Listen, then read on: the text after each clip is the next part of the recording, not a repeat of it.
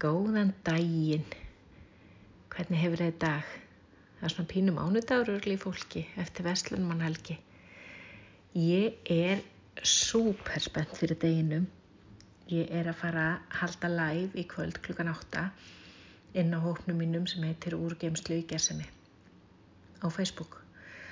Og að vera að koma svona í beitni útsendingu fyrir fram á fólk sem að þekki mann ekki er pínustressandi, það verður alveg að viðkennast en þegar maður er að gera eitthvað svona sem að ma mann finnst skipta sig máli af því að þetta er eitthvað sem mann langar þess að gera þetta skiptir finnst mér fólki máli, maður er að gefa af sér og maður er að eh, einhvern veginn svona koma sínum eldmóði á framfæri og því sem maður brennur sjálfu fyrir það er að segja í mínu tilfelli því að koma fólki í gýrin til þess að skapa, að búa eitthvað til og nýta það sem á.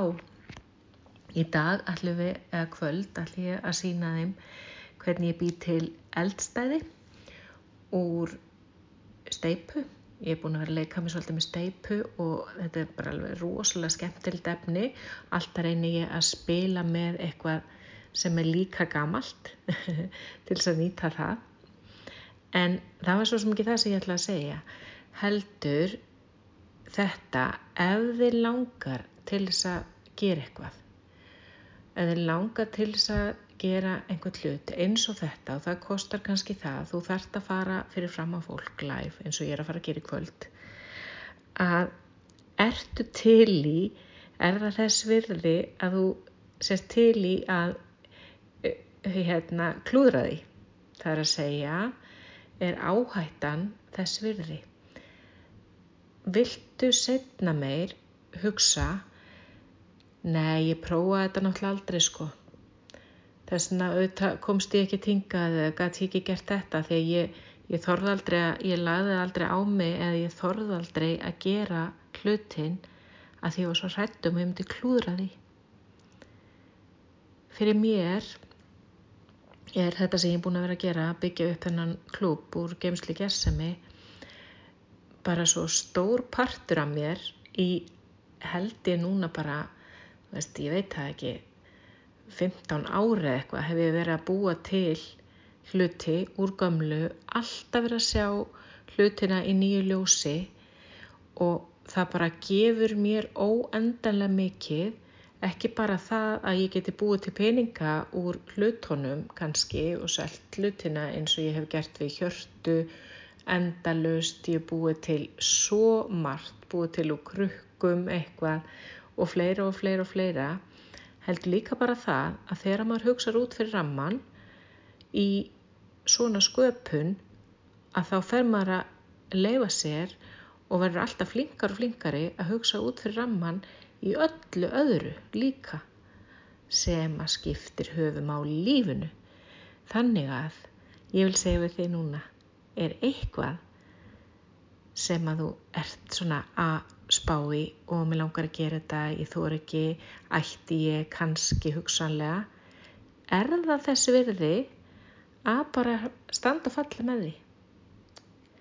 Og kannski bara fail your way sko. Því að aðalmálið í þessu ég, ég afsaka ennsku sletturnar endalust en aðalmálið í þessu er að standa alltaf upp aftur. Standa alltaf upp aftur. Hvað myndur þú segja við krakkaðinn sem var að læra að lappa? Nei, ekkert verið að gera þetta, þetta er svo erfitt, ekkert verið að standa upp aftur. Nei, ok, þú getur þetta, halda áfram. Já, og upp aftur og á stað.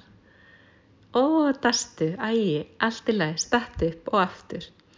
Þetta ætla ég að hugsa þegar ég er að fara live, ég ætla að vera ég sjálf, ég ætla að gera mitt allra besta og ef maður gerir sitt besta þá getur maður ekki betur. Þannig að þetta er svona pínu sparkir að setja þín, ef það er eitthvað svona sem þú ert búin að hugsa að mér langar svo að gera, þetta er hitt, ég ætla að gefa það leiði, gerði það. Það er svo gaman, þú verður svo glöða gladur að þú skildir þó allavegna hafa prófað það. Það fer þá ekki verið en svo að þú hætti við. Ha? En ef að þú hefur áhuga á því að sjá hvernig ég geri eldstæði, verði þá með mér inn á hópnum úr geimslu í Gersami í kvöld klukkan 8 á Facebook. Lakka alltaf að sjá þig.